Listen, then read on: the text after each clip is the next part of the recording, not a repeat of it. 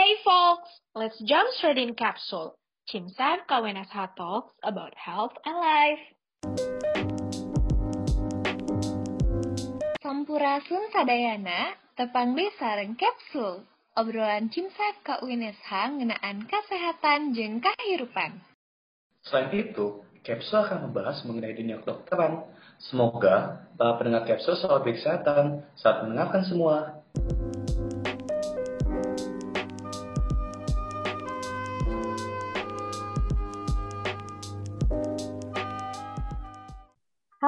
Selamat pagi Cinta. Kembali lagi dengan Kapsul Cinta FK UNSH Talks About Health and Life.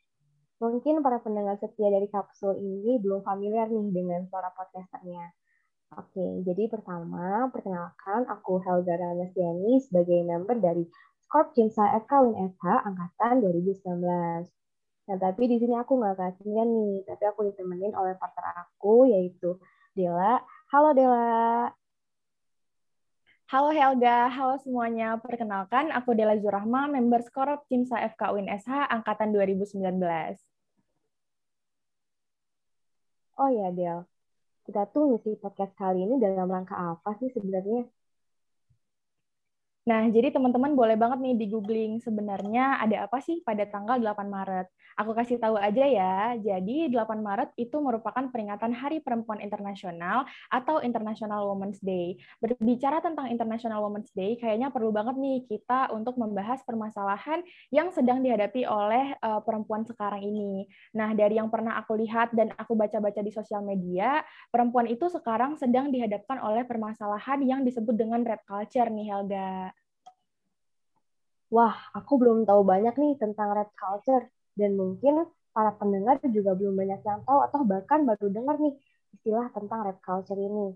Nah, maka dari itu dalam rangka memperingati International Women's Day 2021, kami dari Skora dan Skop Cinsa UNSH bekerjasama dengan Yayasan Plan Internasional Indonesia untuk membahas lebih dalam terkait red culture. Nah, tentunya dalam membahas topik yang sangat menarik ini, kita akan ditemani oleh narasumber yang keren banget nih, teman-teman. Nah, di sini kita sudah bersama Karani Hastari dari Yayasan Plan Internasional Indonesia sebagai Gender Equality and Social Inclusion Specialist. Uh, langsung aja ya kita sapa Karani. Halo Karani. Halo Dela dan Helga, terima kasih udah mengundang aku dan juga uh, Yayasan Plan Internasional Indonesia di kegiatan yang keren banget ini. Nah, Karani gimana nih kabarnya Kak selama pandemi ini? Apakah ada perubahan kegiatan atau ada eh, hobi-hobi uh, baru nih Kak selama pandemi? Uh, pandemi sebenarnya membuat kita lebih dekat dengan diri kita sendiri dan juga dengan orang-orang yang ada di sekitar kita juga ya. Karena kita jadi lebih perhatian bukan hanya untuk uh, orang lain tapi juga kita bisa mengenal diri kita sendiri.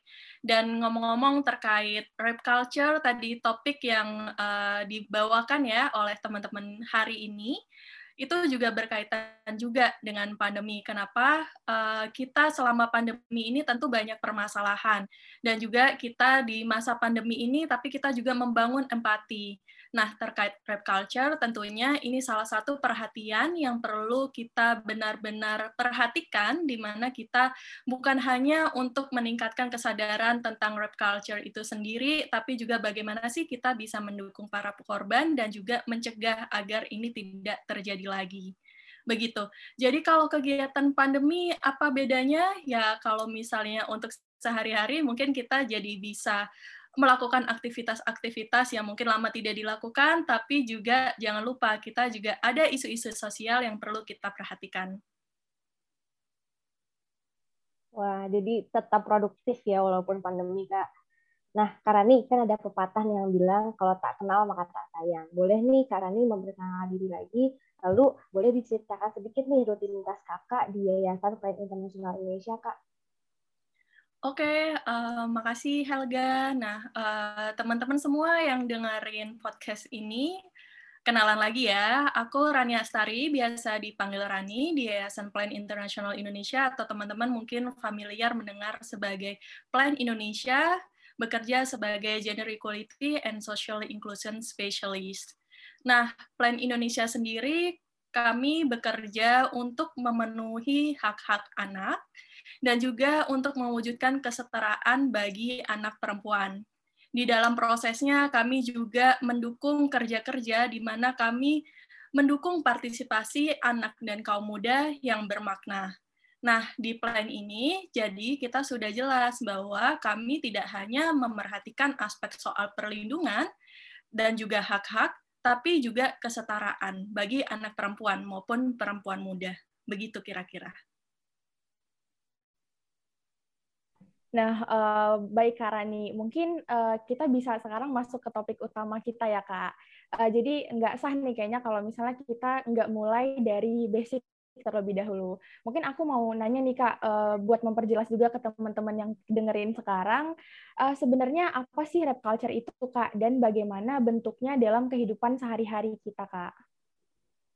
Iya, uh, ini topik yang sangat penting dan sebenarnya cukup sensitif ya mungkin beberapa dari teman-teman yang mendengarkan uh, obrolan kita hari ini mungkin mengingatkan pada sesuatu yang kurang nyaman dari pengalaman teman-teman.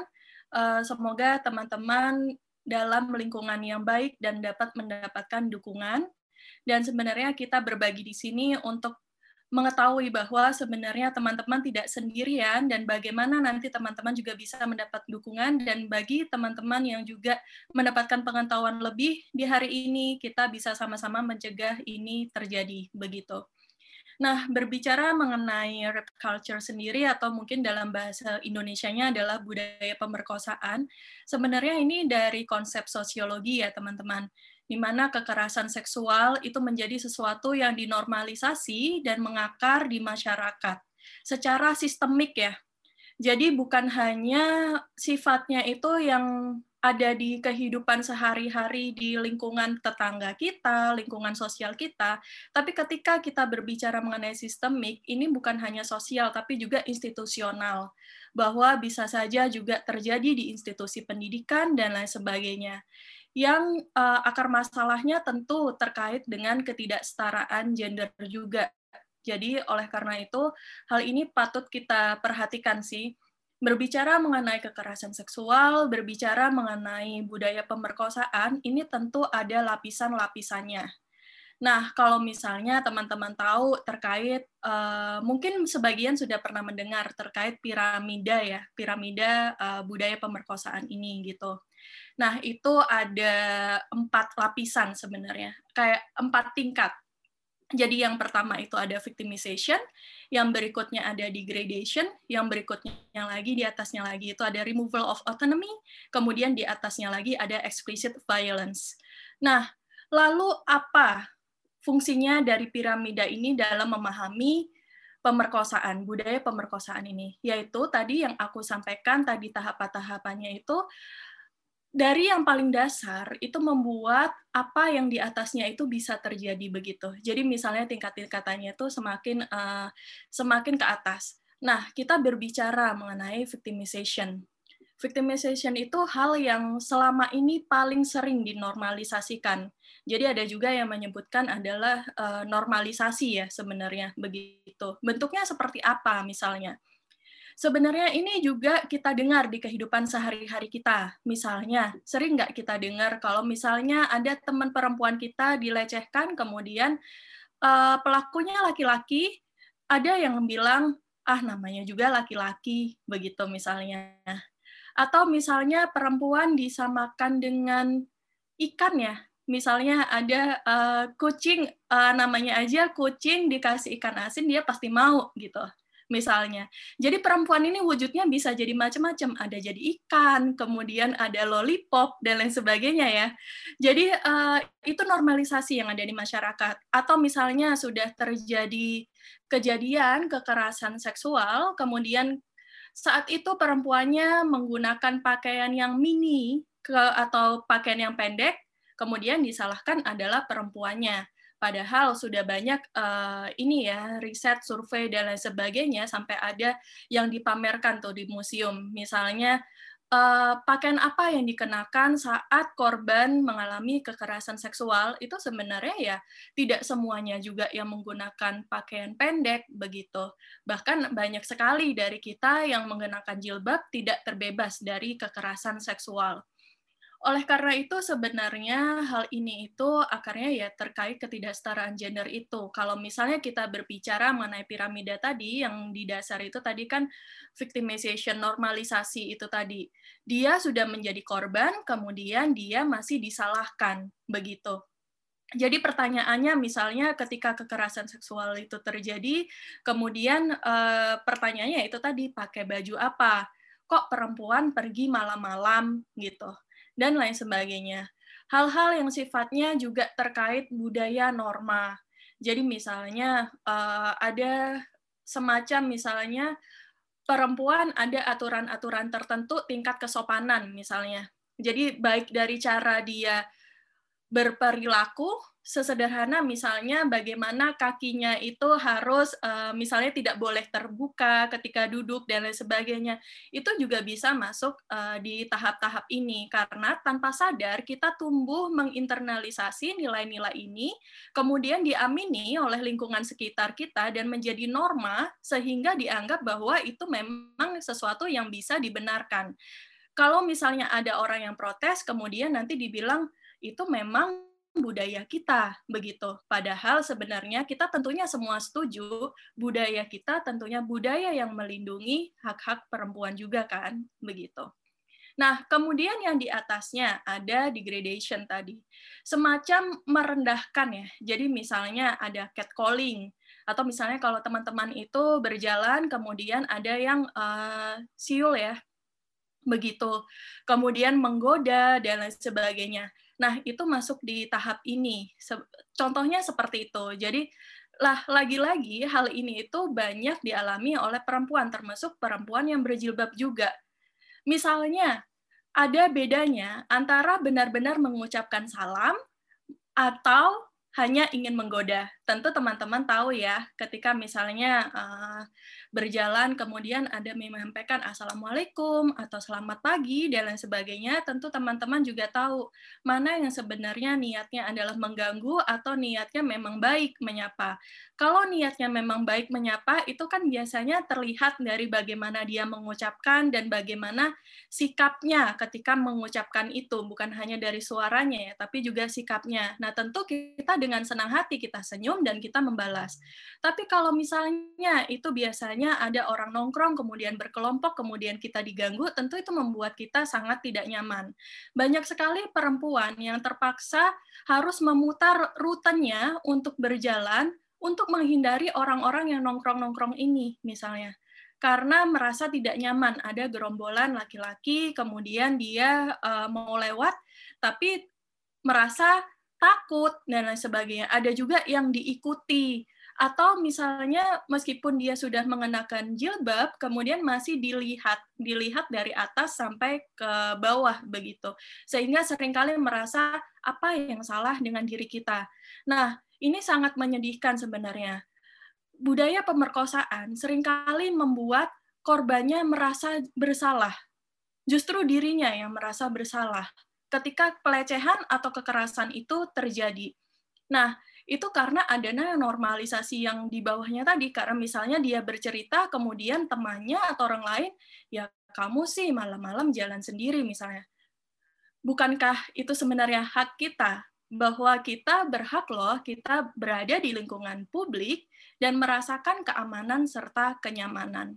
Ketika terjadi kekerasan seksual, yang muncul adalah bagaimana agar perempuan terlindungi. Perempuan terlindungi tapi dikaitkan dengan batasan-batasan, peraturan-peraturan yang dibuat untuk membatasi perempuan bukannya bagaimana menciptakan agar eh, sistem bagaimana perempuan ini bisa dilindungi itu kan hal yang berbeda.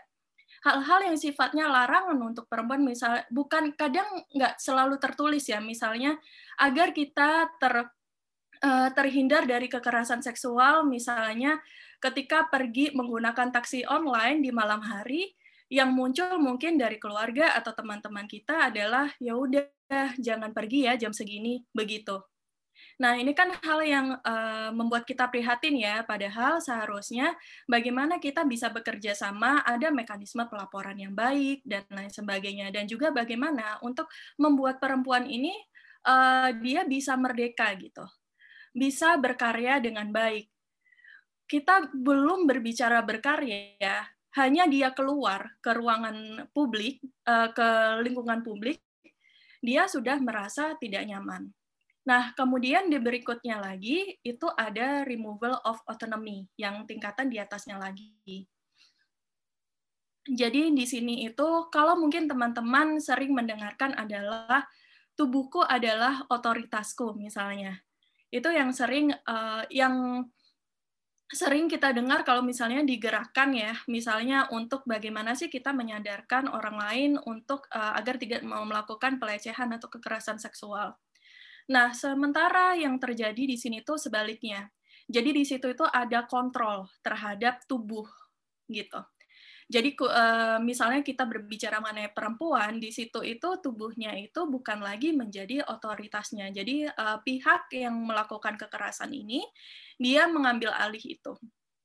Jadi misalnya ini juga ada yang sifatnya pemaksaan ya kemudian ada juga yang sifatnya ancaman dan lain sebagainya seperti itu sehingga perempuan di sini terutama itu merasa uh, dia tertekan jadi dia uh, yang sebenarnya dia memiliki hak atas tubuhnya sendiri tapi dia jadinya uh, takut tertekan dan lain sebagainya sehingga ini terjadi nah di atasnya lagi itu yang di puncaknya ini di atas itu ada explicit violence. Nah, di sini ini yang kita biasanya melihat ya, mendengar itu ada pemerkosaan misalnya, dan bahkan bukan hanya pemerkosaan yang satu orang, tapi juga bergerombol. Jadi eh, beberapa orang sekaligus melakukan pemerkosaan. Ini teman-teman sudah sering mendengar juga dari media ya, dan eh, kekerasan ini juga dilakukan terhadap anak begitu. Jadi kira-kira uh, itu gambaran secara umum, teman-teman. Uh, Oke, okay. uh, makasih banyak Kak. Tadi udah dijelaskan panjang lebar bahwa rape culture ini merupakan normalisasi kekerasan seksual secara sistemik ya, seperti itu Kak. Nah, kayak Karani, nah di sini aku mau tanya juga nih. Nah, uh, sebenarnya upaya apa sih Kak yang perlu kita lakukan untuk pencegahan terkait kejadian rape culture ini Kak? Ini Uh, karena sebenarnya yang namanya budaya itu tidak bisa dilakukan oleh satu pihak. Dan tentunya karena sudah membudaya, tentu tidak bisa dilakukan dalam waktu instan. Sehingga di sini perlu juga uh, kerja keras dari berbagai lapisan ya, dan tentu perlu sinergi bekerja sama apa yang bisa kita lakukan itu sebenarnya ada beberapa hal. Kalau misalnya berbicara tentang di tahap awal misalnya yang paling sederhana yaitu peningkatan kesadaran. Mungkin terdengar sederhana tapi ternyata tidak sederhana juga karena untuk meningkatkan kesadaran tentu butuh waktu yang lama apalagi terkait norma ya. Kalau terkait norma itu kan apa yang kita percaya sudah menjadi sesuatu yang benar itu mengubahnya itu tidak mudah gitu. Nah, terkait hal ini untuk peningkatan kesadaran, kita perlu kerjasama. Misalnya, bagaimana kita bisa memperkuat uh, support system kita dulu, begitu. Misalnya, di sini uh, ada teman-teman kita atau misalnya kita berbicara tentang anak dan kaum muda ya khususnya perempuan nih. Di sini misalnya banyak sekali organisasi-organisasi kaum muda seperti teman-teman juga ya di Cimsa dan juga uh, yang ada di luar sana. Nah kita mulai membangun gerakan untuk bersama untuk meningkatkan kesadaran ini. Ini banyak sekali dicontohkan oleh teman-teman muda bahwa kalau misalnya kita sering mendengar um, kaum muda itu adalah pimpin, pemimpin masa depan, begitu misalnya. Nah, justru sebenarnya melalui gerakan-gerakan yang ada sekarang, kita bisa melihat loh, mereka itu pemimpin masa kini sebenarnya. Bukan bukan bukan lagi sesuatu yang sifatnya masa depan, termasuk dalam bagaimana mengakhiri budaya pemerkosaan ini. Karena teman-teman kita banyak sekali yang sudah uh, mengkampanyekan itu benar-benar mulai dari media sosial sampai di akar rumput, kemudian juga membangun dialog dengan generasi yang uh, dari lintas generasi maksudnya. Jadi misalnya dengan orang tua, kemudian pemerintah daerah setempat dan juga pemerintah desa, lembaga uh, sosial masyarakat dan lain sebagainya. Jadi di sini bersama-sama begitu. Nah, kemudian apa lagi yang bisa dilakukan untuk pencegahannya? Kita juga perlu tahu bahwa kita membutuhkan undang-undang melindungi uh, perempuan khususnya ya dan melindungi korban kekerasan seksual. Bagaimana agar di negara kita ini kebijakannya itu berpihak kepada korban. Jadi mulai dari pencegahan, penam, uh, kemudian penanganan, pendampingan hingga proses hukum dan lain sebagainya sebaiknya ini responsif gender, sehingga kita membutuhkan kebijakan yang responsif gender juga. Begitu. Jadi kebutuhan-kebutuhan korban ini itu juga terpenuhi. Misalnya juga terkait rehabilitasi dan lain sebagainya. Karena misalnya ada terjadi uh, kekerasan seksual, dia itu bukan hanya membutuhkan uh, bantuan hukum misalnya, dia juga membutuhkan bantuan psikologis, butuh konseling, kemudian juga uh, dukungan kesehatan dan lain sebagainya. Nah, dengan adanya kebijakan yang responsif gender yang mulai dari pemerintah pusat dan sampai implementasinya ya ke bawah dan benar-benar dimonitor, masyarakat kita jadi lebih percaya, jadi merasa terlindungi. Karena sering kali yang terjadi ketika ada pemerkosaan atau kekerasan seksual, korban ini takut melapor. Begitu. Sehingga uh, ini tidak bisa berjalan. Jadi kalau misalnya tadi kita berbicara mengenai victimization tadi itu kan korban yang disalahkan. Nah, kemudian setelah itu kalau misalnya dia merasa tidak terlindungi uh, sepertinya kalau melapor akan membutuhkan waktu yang lama ya. Sepertinya kalau kalau melapor itu tidak uh, apa maksudnya tidak terlalu membantu dan sebagainya. Nah, hal ini itu menjadi uh, sesuatu yang serius begitu padahal kita benar-benar membutuhkannya. Nah, kebijakan yang responsif gender ini bisa mengatasi hal-hal ini. Dan bagaimana kita bisa tahu masyarakat umum ya, terutama meski uh, bukan bukan selalu korban misalnya, tapi kita tahu ke mana sih kita harus melapor. Ini tuh penting karena dengan dengan adanya sistem layanan yang terintegrasi, yang uh, yang responsif gender juga, dan akses informasinya itu juga uh, terbuka, itu kita bisa menolong orang lain. Mungkin teman-teman sering mendengarkan cerita dari teman-teman yang lainnya, tapi berhenti di tahap ya kita memberikan dukungan emosional. Belum bisa memberikan rujukan misalnya nanti menghubungi ke siapa ya begitu. Padahal sebenarnya ada loh pihak-pihak profesional yang bisa memberikan dukungan begitu. Nah, baru-baru ini Jakarta Feminis ya, teman-teman kita yang ada di Jakarta Feminis meluncurkan carilayanan.com. Nah, di situ teman-teman bisa melihat juga adanya layanan yang bisa diakses, mulai dari kesehatan, psikologis, sampai bantuan hukum yang tersebar di seluruh Indonesia. Kemudian juga kalau misalnya berbe, eh, berbicara tentang perempuan dan anak, itu juga ada hotline-nya ya dari uh, Kemen PPA dari Kementerian Pemberdayaan Perempuan dan Perlindungan Anak. Nah, bulan ini teman-teman bulan Februari ini itu ada perubahan nomor ya untuk sementara. Jadi mungkin bisa dicatat juga untuk hotline pengaduan uh, kekerasan ini kalau yang dari Kementerian Pemberdayaan Perempuan dan Perlindungan Anak itu sementara ini ada di 0811 11 29129. Nah, itu juga bisa di situ. Nah, dalam uh, upaya untuk mencegah terjadinya uh, budaya pemerkosaan lebih lanjut dan sebagainya, alangkah baiknya apabila informasi-informasi layanan ini itu dapat diakses oleh teman-teman semuanya. Sehingga apabila misalnya terjadi sesuatu, kita tahu gitu ke mana harus melapor. Nah, itu tadi terkait uh, mulai dari ini ya, mulai dari untuk kampanye, kemudian tadi sudah membicarakan tentang kebijakan atau hukum, kemudian akses dan layanan. Terus berikutnya tentu ada yang terkait dengan pendidikan kesehatan seksual reproduksi. Begitu.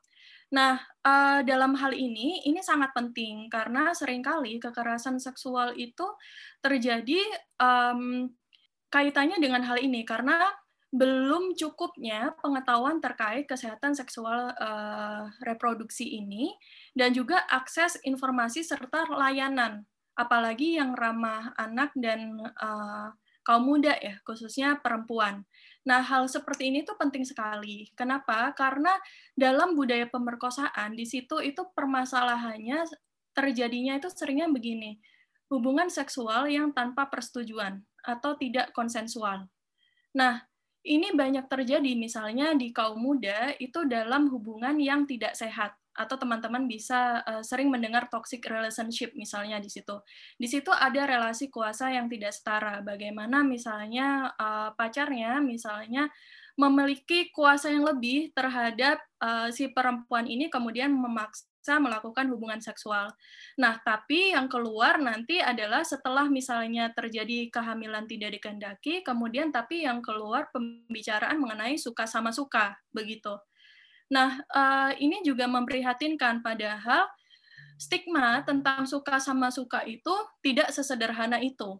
Ketika itu terjadi, sebenarnya apakah memang benar-benar tidak ada manipulasi? Begitu.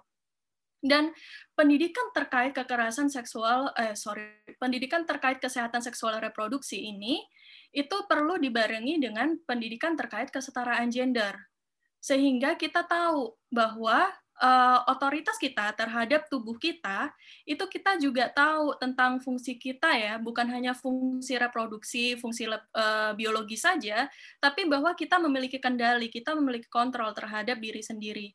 Dan itu sangat penting bahwa kita juga memiliki privasi. Nah, jadi kita juga tahu kapan mengata, uh, kapan perlu mengatakan tidak misalnya dan kita juga bisa tahu apakah itu bentuk manipulasi atau lain sebagainya dan kita juga tahu jadinya apakah kita sedang dalam hubungan yang sehat atau tidak. Nah, dalam uh, pendidikan kesehatan seksual reproduksi ini kita juga perlu memasukkan materi misalnya yang terkait komunikasi asertif. Nah, hal itu juga yang dilakukan oleh Plan Indonesia melalui proyek-proyek kami, melalui modul-modul kami. Kami uh, ketika membicarakan mengenai kesehatan seksual reproduksi itu tidak berdiri sendiri, ada pengetahuan terkait ke kesetaraan gender, ada juga pengetahuan terkait komunikasi eh, asertif tadi. Nah, ini penting sekali bahwa sebenarnya kesehatan seksual reproduksi ini buk, uh, pendidikan terkait hal ini bukan bukan untuk mengajarkan hubungan seks. Seringkali disalahartikan karena soal yang tabu ini, karena dianggap ini mempromosikan hubungan seks. Padahal ini mengenalkan diri kita sendiri terkait apa sih fungsinya sebagai manusia. Tubuh kita sebenarnya apa sih begitu? Perasaan kita itu bagaimana begitu? Karena kalau kita tahu sebenarnya pendidikan seks itu dimulai sejak dini loh.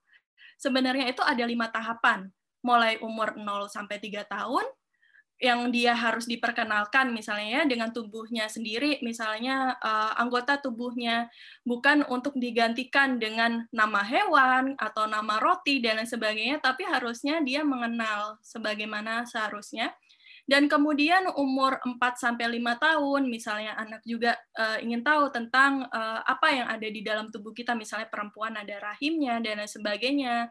Kemudian 6 sampai 8 tahun kita juga perlu memperkenalkan terhadap anak terkait uh, persiapan untuk masa-masa misalnya dia mau menstruasi atau masa-masa pubertas ya, misalnya laki-laki bagaimana, perempuan bagaimana, itu 6 di sampai 8 tahun. Kemudian 9 sampai 12 tahun itu masa mereka uh, di sini itu mengetahui apa sih yang terjadi dengan perubahan-perubahan di dalam tubuhnya, terutama ketika mereka sudah mengalami pubertas. Misalnya menstruasi, kemudian yang laki-laki bagaimana sehingga mereka tahu. Misalnya uh, hal-hal ini itu perlu diketahui. Ini adalah ilmu pengetahuan, bukan mengajarkan soal uh, sifatnya yang tabu itu tadi begitu. Kemudian 13 sampai 18 tahun misalnya itu anak ketika misalnya dia memiliki ketertarikan dengan lawan jenis dan di sini uh, berbicara mengenai keintiman ya atau intimasi dalam artian dia mulai membangun relasi dengan orang yang dia suka itu justru menjadi ruang dialog bagi orang tua dan anak atau anak uh, atau murid dengan gurunya dan lain sebagainya untuk membicarakan hal ini uh, dengan baik begitu. Jadi tidak dihakimi. Jadi dalam proses semua yang tadi aku sampaikan yang mulai dari uh, kampanye, kemudian kebijakan, kemudian akses layanan, pendidikan kesehatan seksual reproduksi, ini perlu kerjasama sinergi, mulai dari pemerintah, masyarakat, uh, organisasi yang lain atau institusi eh, pemangku kepentingan, kaum muda, dan siapa pun itu. Jadi ini perlu uh, kita bersinergi terkait hal ini. Wah, jadi memang upaya pencegahan itu nggak bisa instan dan emang harus adanya kerjasama ya kak. Betul. Uh, Oke okay, baik kak, mungkin sedikit mundur kak dari pembahasan kita yang pertama. Uh, itu kan tadi uh, sudah disebutkan kak beberapa dampak dari uh, budaya uh, pemerkosaan ini seperti tadi contohnya yang Karani sudah sebutkan itu uh, tadi ada victimization gitu kak mungkin Karani boleh tolong dijelaskan lebih uh, dalam lagi kak mengenai dampak dari rap culture ini terhadap pribadi baik dari uh, pribadi korban maupun dampaknya bagi pelaku ataupun uh, dampaknya di kehidupan masyarakat kita kak.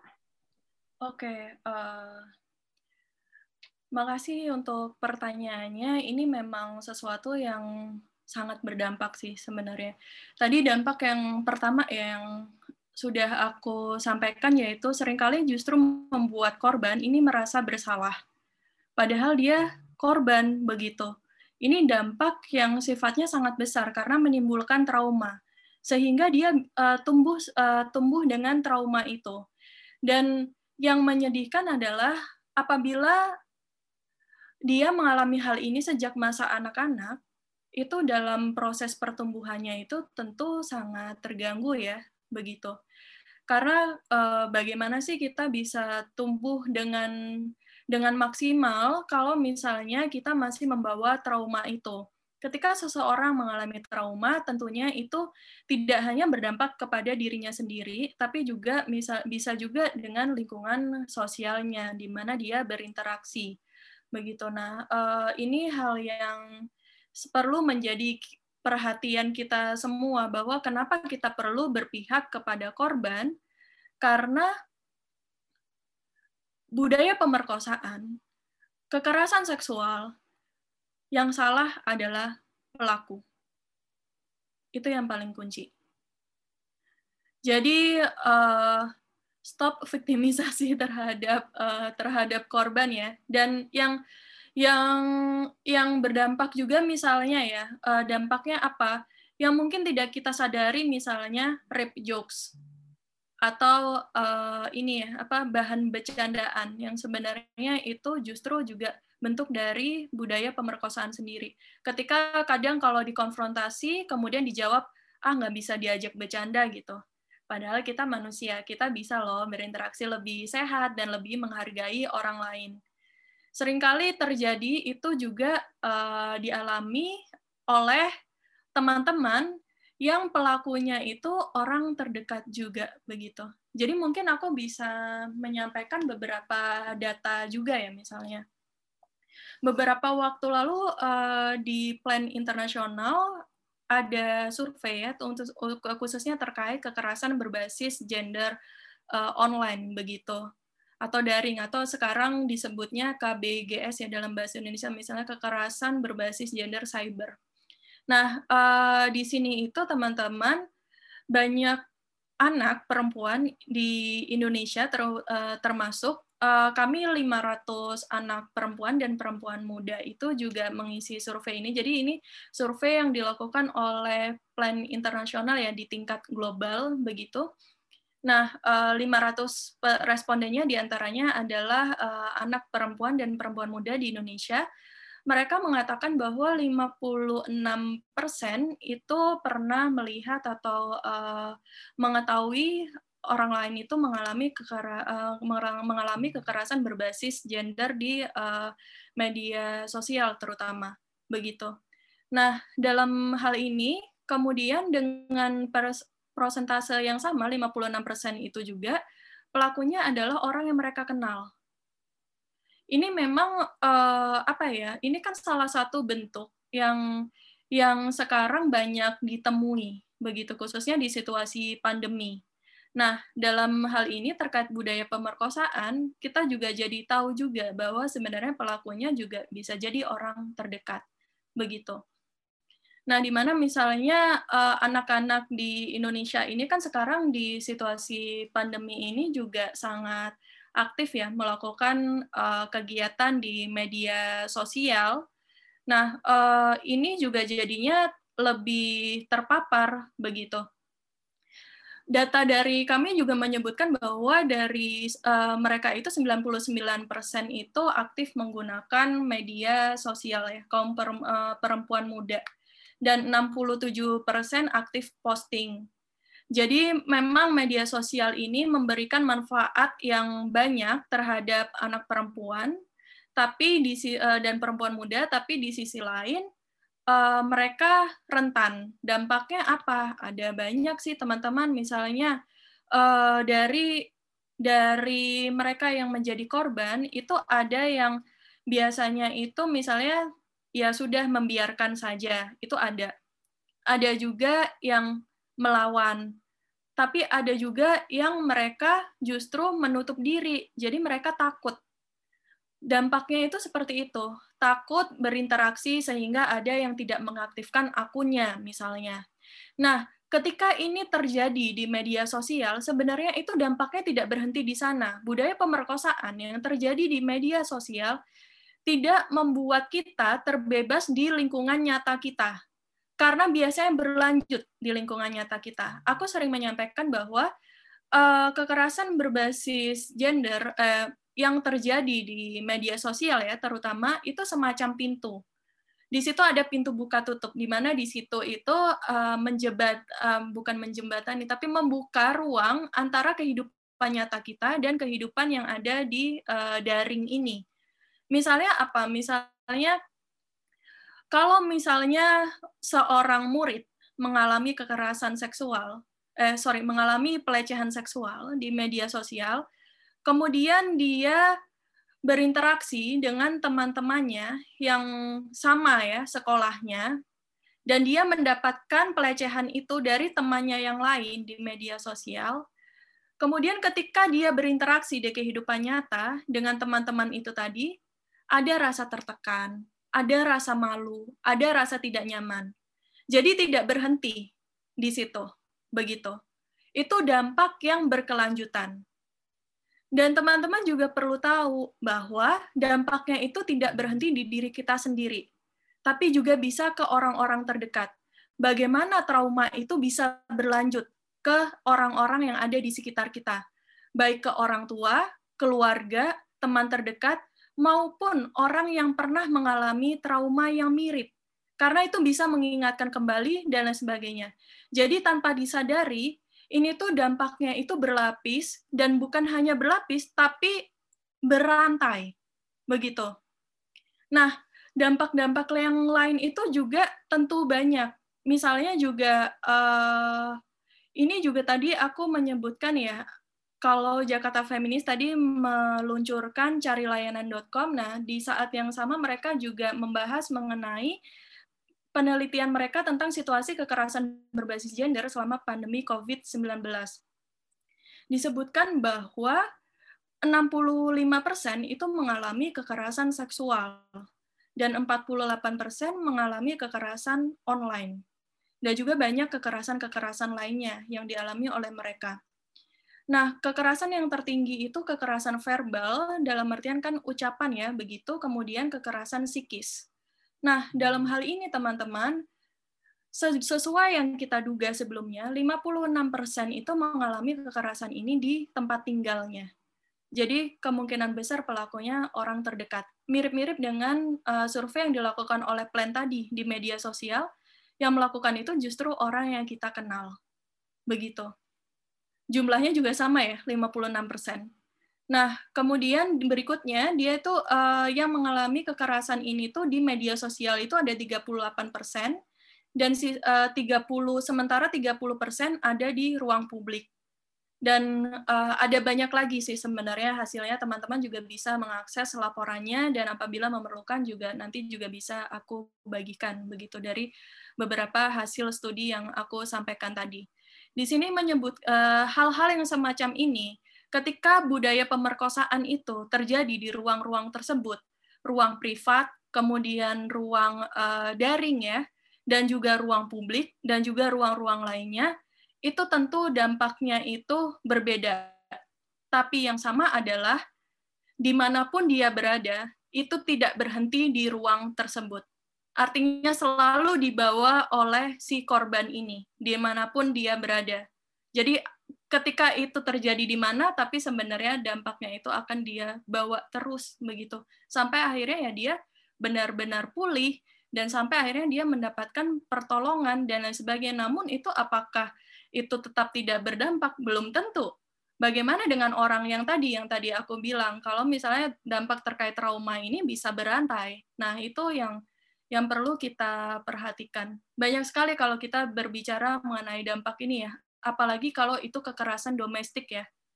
Itu sangat uh, sangat mengkhawatirkan.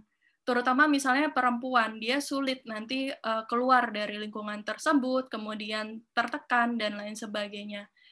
Seringkali hal-hal semacam ini dianggap sebagai ranah privat kekerasan domestik dianggap ranah privat karena dianggap itu adalah urusan rumah tangga orang, urusan uh, apa ya maksudnya keluarga dan lain sebagainya sehingga korban ini sulit mendapatkan pertolongan begitu. Sebagai saksi uh, itu juga jadi enggan untuk menolong.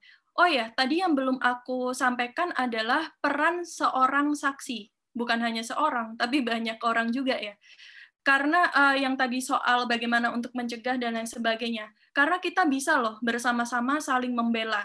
Karena itu sangat penting. Kita perlu ketika kita melihat sesuatu yang tidak tepat, kita perlu berpihak juga pada korban. Atau misalnya teman-teman tidak berani mengkonfrontasi pelaku, setidaknya teman-teman bisa menyampaikan akses layanan yang tadi dan juga memberikan dukungan emosional terhadap korban. Begitu. Nah, soal peran dari saksi, soal peran dari kita ini juga sangat penting. Karena juga terkait dengan uh, riset plan internasional tadi, itu responden itu para responden juga mengatakan yang mereka inginkan justru juga orang-orang yang ada di media sosial ini juga bisa menciptakan ruang yang aman dan nyaman. Dan ketika terjadi kekerasan mereka juga bisa ber, uh, speak up tentang itu. Begitu. Dan juga misalnya kalau terkait media sosial perusahaan-perusahaan yang terkait itu juga perlu menciptakan sistem laporan yang juga responsif gender begitu. Jadi uh, apakah itu laporannya juga uh, cukup meng, apa ya dapat mengakomodir keluhan-keluhan ini, kategorinya itu bagaimana, dan apakah itu mudah melapor, dan sebagainya, itu tentu penting sih.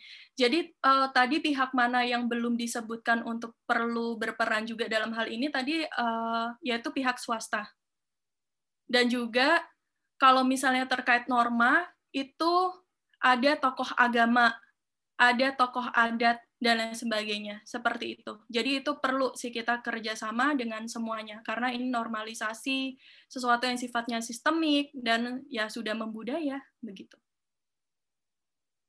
Iya baik kak. Tadi ada nih kata-kata dari Karani yang aku highlight banget nih kak, yaitu uh, pentingnya berpihak kepada korban karena korban itu tetaplah korban gitu. Jadi korban itu tetap uh, pihak yang dirugikan um, tadi juga sempat um, menyinggung tentang uh, orang-orang terdekat ya kak. Jadi berbicara tentang orang-orang terdekat, uh, aku mau nanya nih kak, misalnya kita punya teman atau kita punya keluarga atau orang-orang terdekat kita yang menjadi korban atas uh, perilaku um, rap culture ini, kemudian juga atau malah uh, orang terdekat kita atau teman kita atau bahkan keluarga kita ini merupakan um, pelaku gitu kak dari uh, kekerasan seksual ini. Nah, kira-kira apa sih kak yang bisa kita lakukan? Berarti pertanyaannya ada dua ya. kalau misalnya teman kita Iya, Kak, adalah dua. korban, yang satunya lagi adalah pelaku. Kalau korban Iya, Kak. pertama adalah yang misalnya teman-teman pertama kali diceritakan ya, misalnya bukan teman-teman menyaksikan langsung, dengarkan.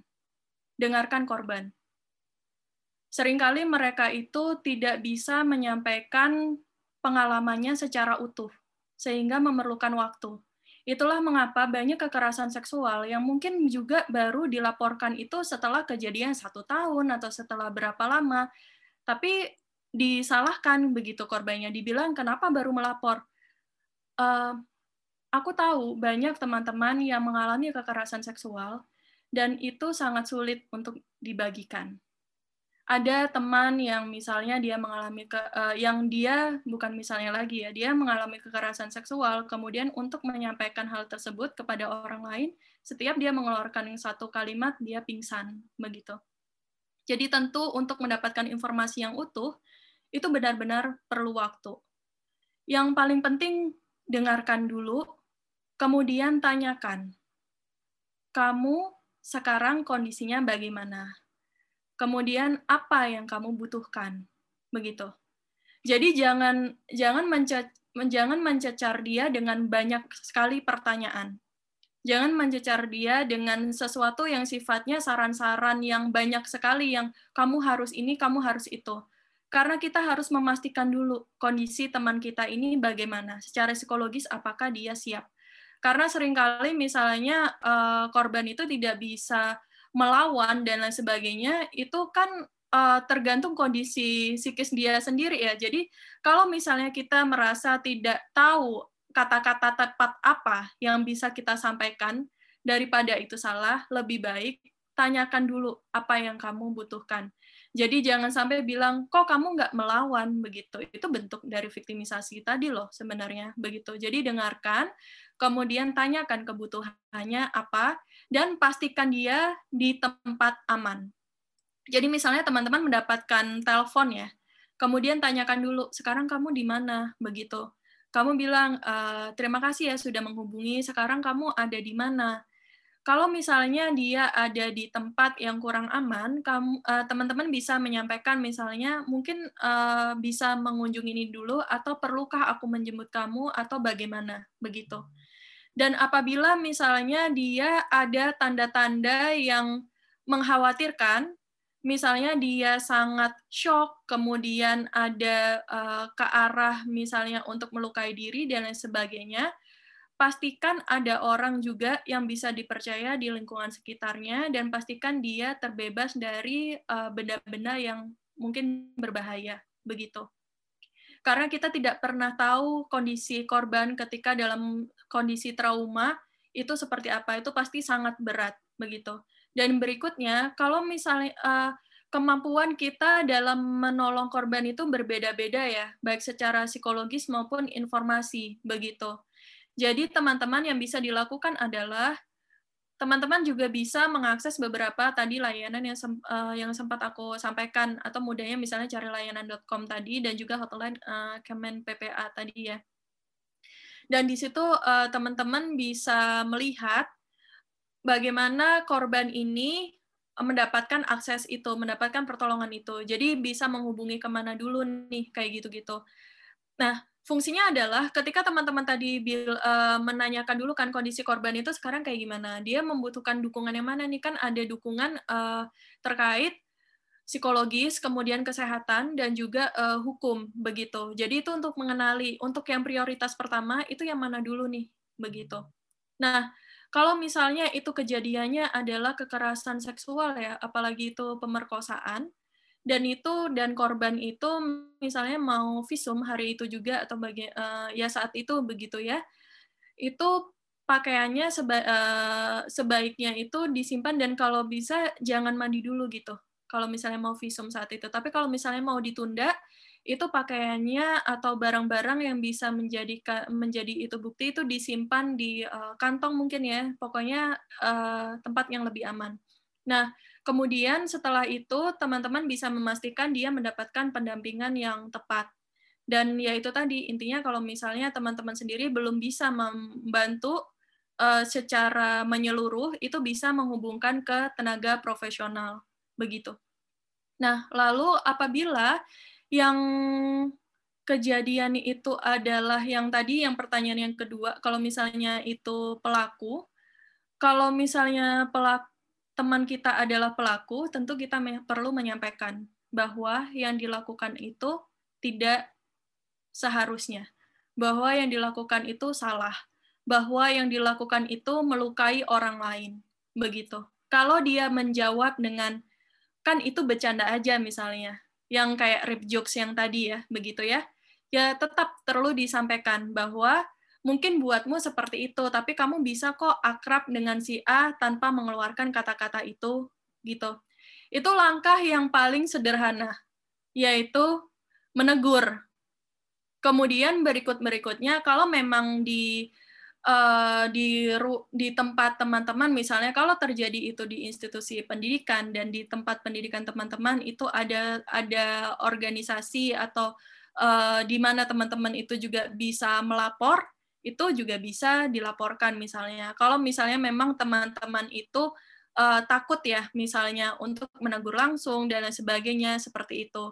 Dan juga bisa juga uh, melapor itu sifatnya begini maksudnya kan ada pelapor, uh, ada laporan yang sifatnya hukum, ada juga yang sifatnya teman-teman membutuhkan saran. Jadi bisa disampaikan begitu apa yang harus dilakukan dan sebagainya. Bagus sekali Pak apabila di sana itu sudah ada kebijakannya terkait ke, ke uh, pelecehan seksual misalnya. Kalau memang sudah ada kebijakannya itu sudah melindungi ya, sudah uh, sudah jelas di situ uh, arahnya bagaimana. Begitu sih. Dan kemudian uh, terkait yang penting adalah teman-teman menjaga kerahasiaan korban jadi entah yang teman-teman membantu uh, membantu korban secara langsung atau teman-teman menegur pelaku, hal yang sama yang harus berlaku adalah menjaga kerahasiaan dan privasi korban. Bahwa ini teman-teman harus benar-benar simpan personal details, pengalaman, dan apa pun itu semuanya. Begitu. Itu yang paling penting juga.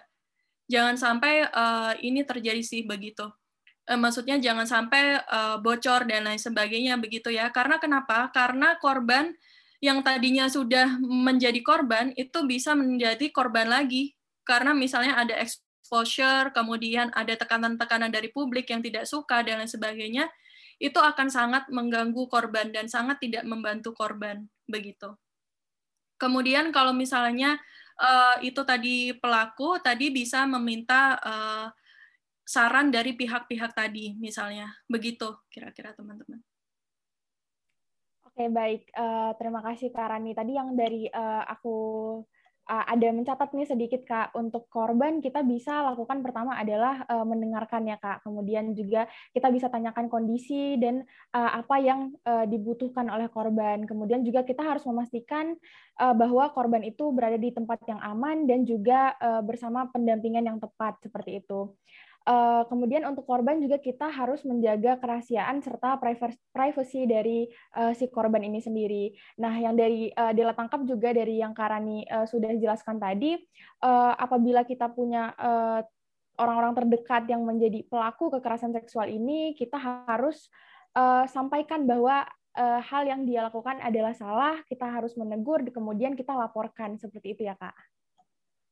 Iya, soal soal hal yang sifatnya uh, pelaporan dan lain sebagainya, ini teman-teman tentu uh, tahu ya, maksudnya dalam dalam hal ini itu uh, diharapkan sih teman-teman tahu alurnya bagaimana dan lain sebagainya, begitu sih.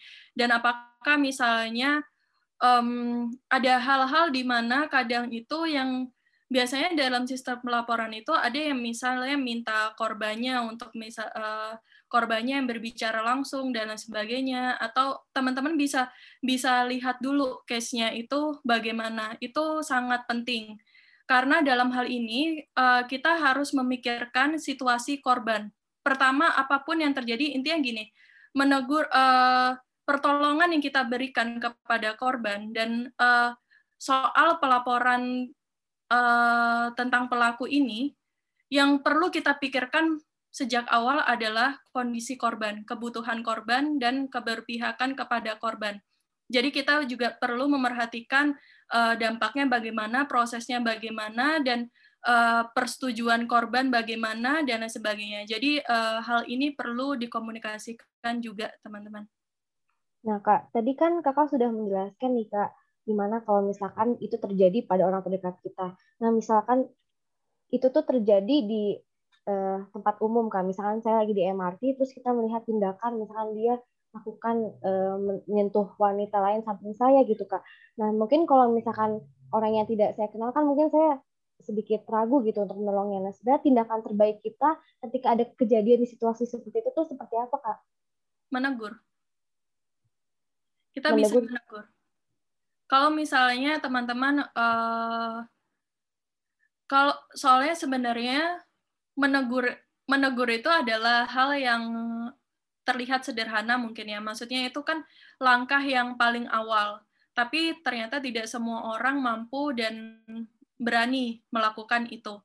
Nah, teman-teman juga bisa misalnya kalau misalnya teman-teman tidak berani, biasanya kan mungkin uh, di ruang publik itu ada uh, apakah ada security misalnya atau ada orang lain misalnya. Itu teman-teman juga bisa melaporkan atau meminta pertolongan begitu. Dan juga kalau misalnya teman-teman juga bisa, teman-teman bisa menolong korbannya langsung. Kalau memang sanggup ya, memang mampu. Jadi misalnya kalau ada uh, misalnya disentuh atau gimana, teman-teman bisa bisa atau dia mengalami pelecehan seksual itu banyak sekali sih sebenarnya di transportasi publik juga ya. Nah itu bisa juga yang menegur tadi, kemudian melaporkan dan juga menolong korban itu misalnya menghindarkan dia dari uh, dari hal tersebut. Jadi misalnya dia di ditarik di dibawa ke tem, bu, bukan ditarik es ditarik paksa gitu ya tapi uh, bagaimana kita bisa membawa dia ke tempat yang lebih aman atau kita kasih tempat duduk yang lebih aman kemudian uh, mempraktikkan tadi yang aku bilang ditanya kondisinya dan lain sebagainya kayak gitu ya berarti memang kita tuh harus berani um, speak up gitu ya kak untuk membantu yang mereka kesulitan gitu Iya, ini sebagai nah, bentuk untuk menghentikan normalisasi iya. juga sih sebenarnya. Benar banget sih. Terima kasih banyak Kak Rani. Uh, iya Kak, aku mau menyambung tentang normalisasi ya Kak. Uh, misalnya nih Kak, kita uh, tinggal di lingkungan yang uh, orang-orangnya itu menormalisasi misalnya catcalling, kemudian juga uh, rap joke seperti itu Kak. Nah itu uh, kita menghadapinya bagaimana ya Kak? bisa disampaikan juga kalau misalnya begini, uh, kalau misalnya kita yang menerima rap jokes itu ya misalnya bisa disampaikan kalau uh, kita keberatan begitu.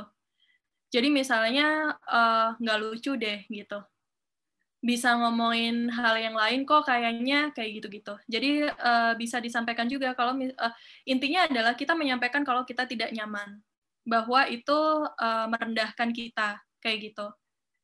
Dan yang paling penting juga mungkin ini yang banyak ini mungkin terlihat positif tapi sebenarnya tidak sepenuhnya positif. Misalnya apa?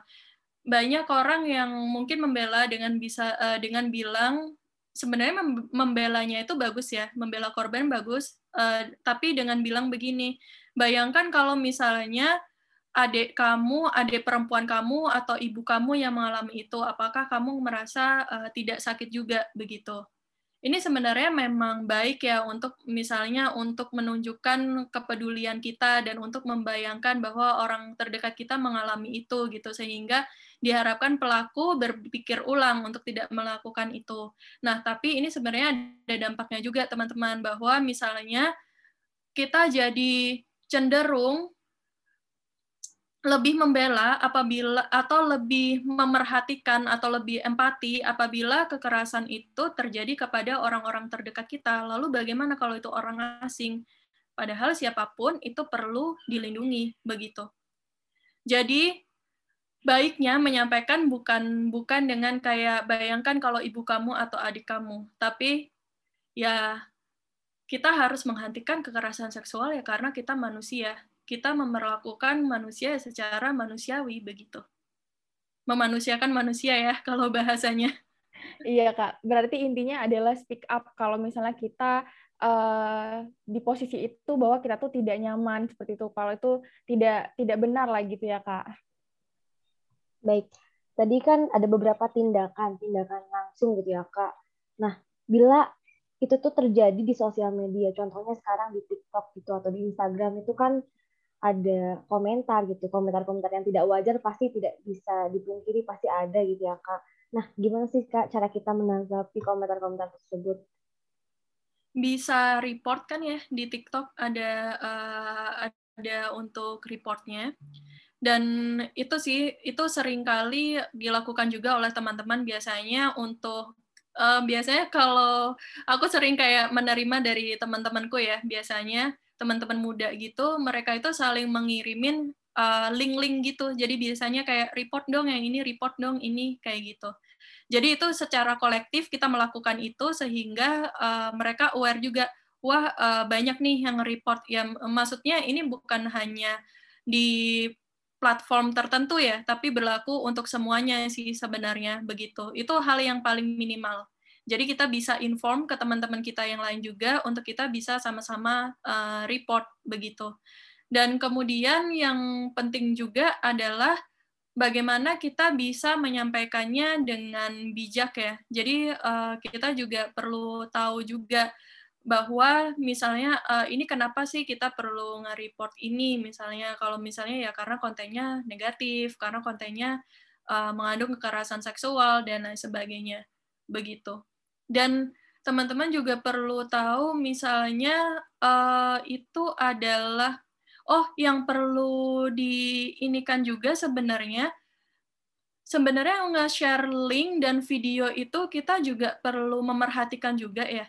Karena itu kadang bisa ini sih teman-teman. Maksudnya kita report iya kita melakukan report gitu. Tapi kalau bisa misalnya itu kejadiannya misalnya anak ya yang mengalami kekerasan seksual uh, anak kemudian ada video di media sosial kemudian itu mukanya itu jelas dan terus teman-teman nge-share linknya, nge-share videonya, sehingga itu berantai. Kita tidak pernah tahu tuh sampai ke mana video itu. Sehingga si korban ini mendapatkan bulian lagi. Dia dirundung lagi. Ini ini sudah terjadi dan sering terjadi. Jadi korbannya malah diserang ketika ada pihak-pihak yang juga nge-report begitu.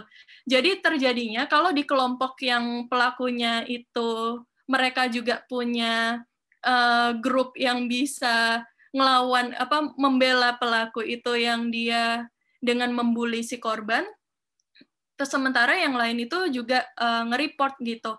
Nah, hal ini itu lagi-lagi yang aku sampaikan tadi seperti yang di tahap awal ya.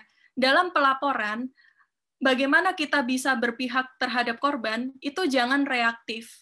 Jadi dalam artian kita harus memerhatikan tadi kondisi korban gimana, risiko terhadap korban gimana, uh, damp intinya dampak dampak terhadap korban itu gimana.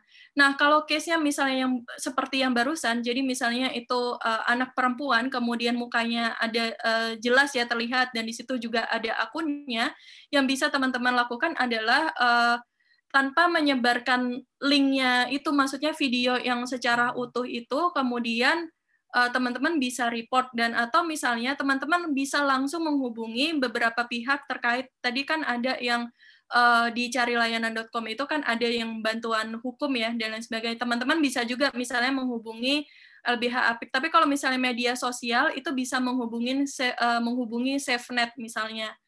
Begitu. Ada juga yang kalau misalnya membutuhkan bantuan hukum juga uh, selain LBH Apik itu juga ada misalnya advokat gender ya sekarang ya. Sebenarnya kanal-kanalnya itu uh, ada di situ teman-teman dan teman-teman bisa mengakses sih begitu. Jadi kalau misalnya intinya begini, ketika kita menolong, ketika kita melaporkan sesuatu, lagi-lagi kita by, uh, kita harus tahu kondisi korban bagaimana, risikonya korban bagaimana, dampaknya gimana, sehingga kita bisa mempertimbangkan langkah apa yang kita lakukan berikutnya. Kalau teman-teman tidak tahu juga apa yang harus dilakukan, teman-teman bisa menghubungi pihak-pihak yang baru saja uh, aku sebutkan begitu untuk minta saran.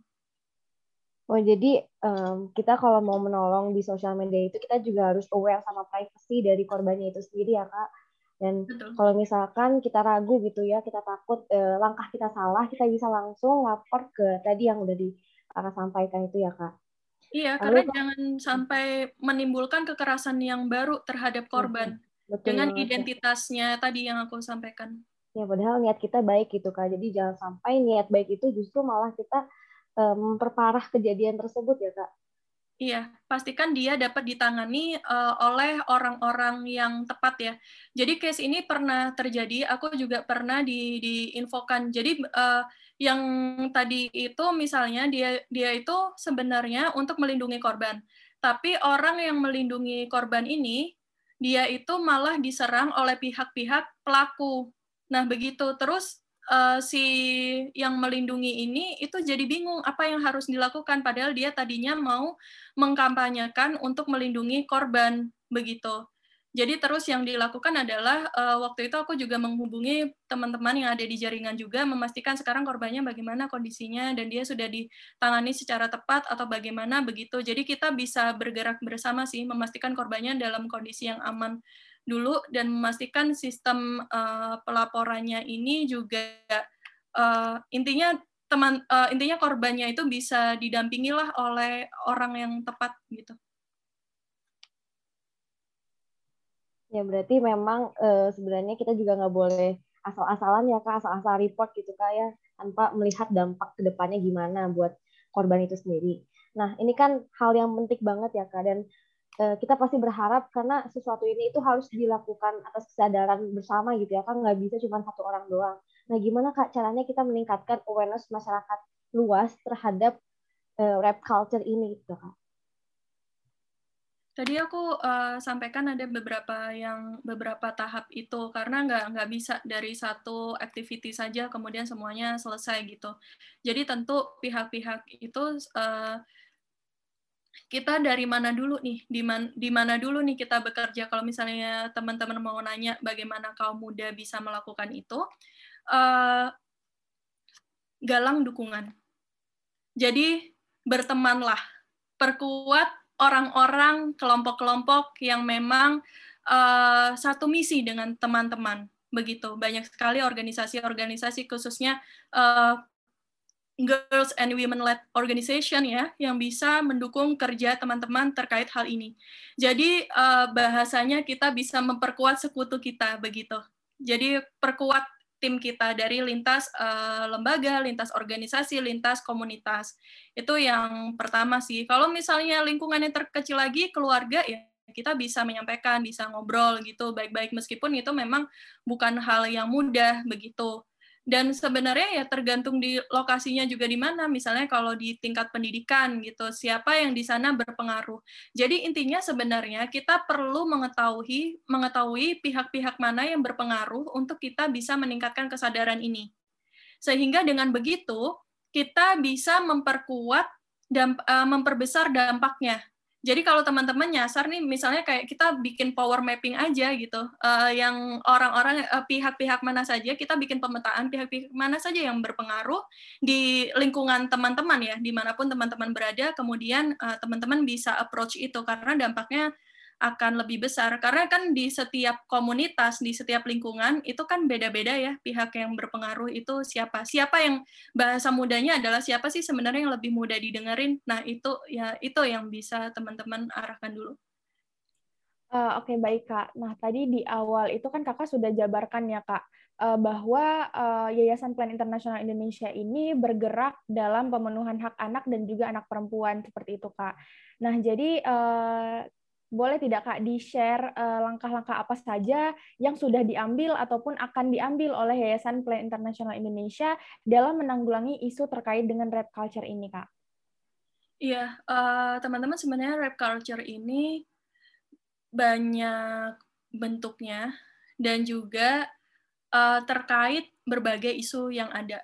Ada yang terkait uh, tadi soal ini ya, soal misalnya mungkin juga bisa terkait perkawinan anak, kemudian kehamilan yang tidak dikehendaki dan lain sebagainya. Misalnya misalnya juga uh, bagaimana anak korban perkosaan malah dinikahkan dengan pelaku pemerkosaan. Begitu. Itu banyak banyak terjadi juga hal-hal se, uh, hal seperti itu karena dianggap uh, aib dan lain sebagainya kalau nggak dinikahkan uh, itu nanti juga akan menjadi masalah gitu ya, terutama di keluarga dan lingkungan sekitarnya.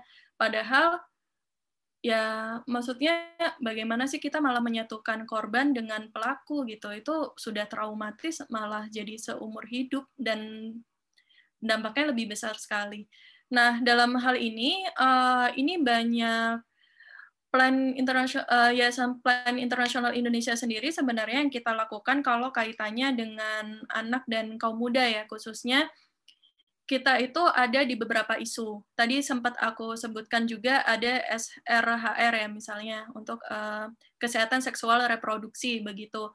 Kami ada program uh, sekarang kami menjalankan proyek Let's Talk. Nah di Let's Talk ini kami uh, melatih anak-anak uh, bukan anak-anak kaum muda untuk mereka lebih memahami terkait kesehatan seksual reproduksinya dan uh, kaitannya juga dengan perilaku berisiko dan juga kaitannya juga dengan pencegahan perkawinan anak. Jadi mereka bukan hanya mendapatkan kapasitas, tapi mereka juga bisa menjadi uh, youth advocates begitu. Nah, sebelumnya kami juga memiliki proyek yang namanya Yes I Do, memang fokusnya di isu perkawinan anak. Nah, di sini kami sudah melatih 155 uh, youth champions dalam modul Champions of Change. Jadi mereka juga dilatih terkait kesetaraan gender, kemudian perkawinan uh, anak dan lain sebagainya dan mereka melakukan advokasi itu juga. Dan menariknya adalah anak-anak ini itu uh, mereka sampai melakukan uh, pelaporan ya dan penanganan kasus juga begitu bekerja sama dengan berbagai pihak di masyarakat. Misalnya pemerintah desa kemudian kelompok perlindungan anak desa atau KPAD kemudian forum anak desa dan lain sebagainya begitu. Jadi mereka memang benar-benar melakukan ini. Makanya tadi yang aku sampaikan bahwa uh, young people itu sebenarnya juga pemimpin masa kini loh. Mereka bisa melakukan itu dan isu hal uh, budaya pemerkosaan ini kan bukan hanya isu orang dewasa, ini ada sejak kita masih anak-anak dan kita harus melibatkan anak dan kaum muda juga dalam menjalankannya sehingga Plan Indonesia juga bekerja terkait hal ini. Kemudian ada juga uh, kami juga ada yang uh, proyek sebelumnya terkait kekerasan seksual dan eksploitasi seksual terhadap anak. Kemudian Eh, wilayah-wilayah uh, kami itu beragam ya. Jadi ada yang di Jabodetabek, uh, wilayah Jakarta, kemudian ada juga sebagian uh, banyak sih sebenarnya yang di Nusa Tenggara Barat, Nusa Tenggara Timur dan lain sebagainya. Sehingga kami nggak kerja sendirian di sini, tapi kami juga bekerja dengan pemerintah daerah, kemudian kelompok perlindungan anak desa dan lain sebagainya. Karena yang membentuk lingkungan yang mendukung itu perlu beberapa uh, stakeholders gitu. Nggak nggak bisa sendirian. Oh ya yang penting juga yang tadi belum disampaikan adalah media sebenarnya teman-teman. Nah Plan Indonesia sendiri sangat aktif ya untuk juga bekerja sama dengan media. Karena kenapa? Karena salah satu kanal budaya pemerkosaan ini juga ada di media. Teman-teman bisa lihat kan bagaimana perempuan diobjektifikasi bagaimana per, uh, misalnya kata-kata terkait pemerkosaan itu tanda kutip diperhalus. Misalnya menyetubuhi, kemudian menggagahi dan lain sebagainya itu pemerkosaan padahal begitu. Nah, kita perlu membuka ruang dialog bagaimana kita uh, dapat memberikan peningkatan kesadaran terkait hal ini sih, termasuk kesetaraan gender dan juga kita juga merangkul media-media yang memang sudah sadar terkait kesetaraan gender sehingga gerak kami itu lebih kuat begitu. Nah, uh, salah satu tadi upaya yang juga menurut kami efektif yaitu bekerja dengan industri kreatif. Itu penting banget karena mungkin tidak semua orang yang uh, tidak semua orang bisa dan suka membaca membicarakan hal ini. Padahal ini adalah isu yang sangat penting kan. Banyak sekali orang yang mungkin mendengar oh uh, itu kan pembahasannya aktivis gitu misalnya. Padahal ini ada di kehidupan kita sehari-hari. Nah yang dilakukan oleh Plan Indonesia adalah kita itu banyak membuka ruang-ruang diskusi bahwa kegiatan uh, rap bukan rap culture juga ya, tapi kekerasan uh, maksudnya sorry, maksudnya kekerasan seksual atau budaya pemerkosaan ini itu merupakan isu sehari-hari di lingkungan kita dan di mana pun kita berada begitu. Nah misalnya kami juga pernah melakukan e-learning misalnya terkait kekerasan berbasis gender yang ada di sekolah, kemudian uh, kekerasan berbasis gender di lingkungan sehari-hari begitu. Nah kalau dengan media itu uh, kami bukan dengan media tapi justru kami mencipt, uh, memproduksi film kalau teman-teman tahu suara Kirana itu bisa juga dilihat di YouTube di situ uh, sebenarnya itu terkait perkawinan anak. Nah, ini kalau teman-teman lihat itu filmnya itu film populer ya. Nah, populer maksudnya adalah itu bukan kayak semacam ayo kita stop perkawinan anak gitu dengan jargon-jargon seperti itu, tapi di situ itu membahas tentang kehidupan uh, kaum muda begitu. Ketika dia uh, sekolah, kemudian dengan pacarnya bagaimana dan hubungan yang sehat apa, dampak perkawinan anak itu seperti apa, mereka bisa melihatnya dengan uh, visual dan kami bekerja bersama Pasar Malam Festival di mana isinya production house ini anak muda semua juga gitu dan sehingga eh, hal-hal uh, kreatif ini dapat menginspirasi dan diteruskan. Misalnya dari uh, ini kan yang menjalankan waktu itu proyeknya Yes I Do ya, baru selesai proyeknya. Nah, itu diteruskan oleh Youth Champion Study. Jadi yang tadi anak-anak yang sempat aku sampaikan yang mereka melakukan advokasi itu, mereka juga bikin film-filmnya juga loh gitu di di level daerah masing-masing sehingga menjadi sarana kampanye juga untuk mereka. Jadi melibatkan industri kreatif dan juga memba, apa ya menciptakan materi komunikasi yang kreatif yang lebih dekat dengan anak dan kaum muda itu juga sangat penting. Begitu. Oke, okay, oh, baik Kak Radi.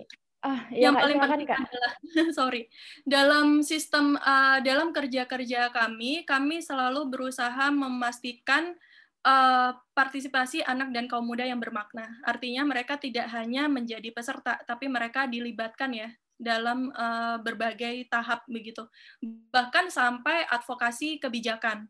Kami berkonsultasi juga dengan mereka, baik untuk misalnya UNCRC, kemudian uh, SIDO report kayak gitu. Jadi uh, kami juga bekerja bersama mereka dan di plan sendiri kami memiliki youth advisory panel begitu. Jadi uh, ya begitu. Jadi ini langkah bersama. Oke baik kak. Uh, mungkin ini last question ya kak. Um, boleh dong Kak Rani utarakan harapan kakak uh, mengenai fenomena rap culture ini. Jadi fenomena rap culture yang terjadi di Indonesia, uh, kemudian juga mungkin boleh kak sekalian take home message gitu uh, mengenai uh, isu rap culture ini untuk pendengar-pendengar kita kak. Um, hentikan normalisasi budaya pemerkosaan. Hentikan bercandaan yang seksis dan juga hal-hal yang menyakiti. Kita ingin ber uh, kita sebagai manusia selayaknya kita memanusiakan orang lain begitu. Itu di level kita dan marilah uh, kita membangun empati, menciptakan ruang-ruang yang aman dan nyaman untuk kita bisa berinteraksi, kita bisa bertumbuh dan kita bisa loh menjadikan ruang kita itu sesuatu yang menyenangkan dan untuk uh, kebijakan kita sangat menginginkan adanya undang-undang dan juga sistem perlindungan dan pelaporan yang uh, responsif gender. Jadi mulai tahap pencegahannya, penanganan, pendampingan, dan sampai tahap akhir itu benar-benar menyesuaikan dan berpihak kepada korban dan juga memperhatikan perspektif gender ini di mana perempuan banyak sekali menjadi korban begitu. Dan untuk siapa pun kita yang menjadi uh, saksi dan juga kita yang mengetahui atau kita yang mendengar sesi hari ini kita bisa lebih aktif mengkampanyekan untuk menghentikan budaya pemerkosaan Intinya kita ciptakan lingkungan yang aman, nyaman, setara, khususnya untuk perempuan.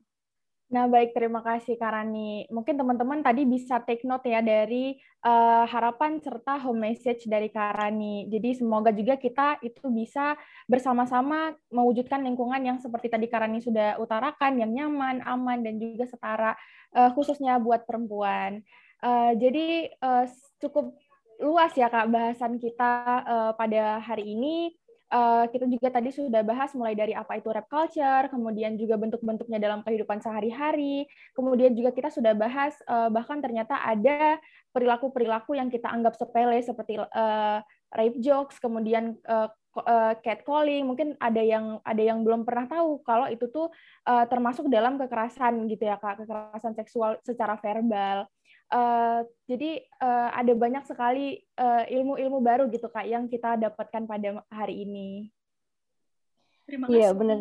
Ya, betul banget sih Dela. Kalani juga tadi sudah membahas gimana sih cara mencegah rap culture, terus dikasih tahu nih gimana kita bisa konfirmasi ke siapa aja, gimana cara kita menolong mereka, lalu upaya atau tindakan kita dalam menghadapi kejadian red flag ini, serta bagaimana sih cara kita meningkatkan awareness masyarakat terhadap kejadian red flag ini.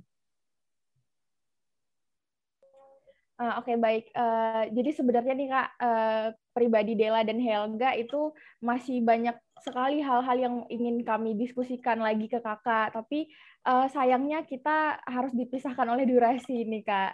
Jadi mungkin di akhir ini ya kami mengucapkan terima kasih yang banyak banyak sekali kepada Karani yang sudah menyempatkan waktunya, kemudian juga sudah berbagi dan sharing ilmu yang eh, apa ya kak, yang sangat penting, yang sangat related dengan eh, apa yang kita sekarang ketahui, kemudian juga ilmu-ilmu ini sangat membuka wawasan seperti itu kak. Eh, sekali lagi terima kasih banyak Karani. Dengan senang hati. Terima kasih banyak Kak Rani. Semoga sehat selalu ya Kak. Sampai bertemu mungkin di lain kesempatan. Iya, selamat Hari Perempuan Internasional dan salam kesetaraan dari Yayasan Plan Internasional Indonesia. Terima kasih banyak. Sehat selalu teman-teman.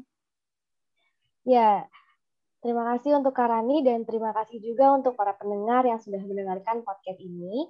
Semoga apa yang telah disampaikan oleh Karani dapat menambah wawasan kita semua dan dapat kita terapkan dalam kehidupan sehari-hari demi mencegah terjadinya rap culture.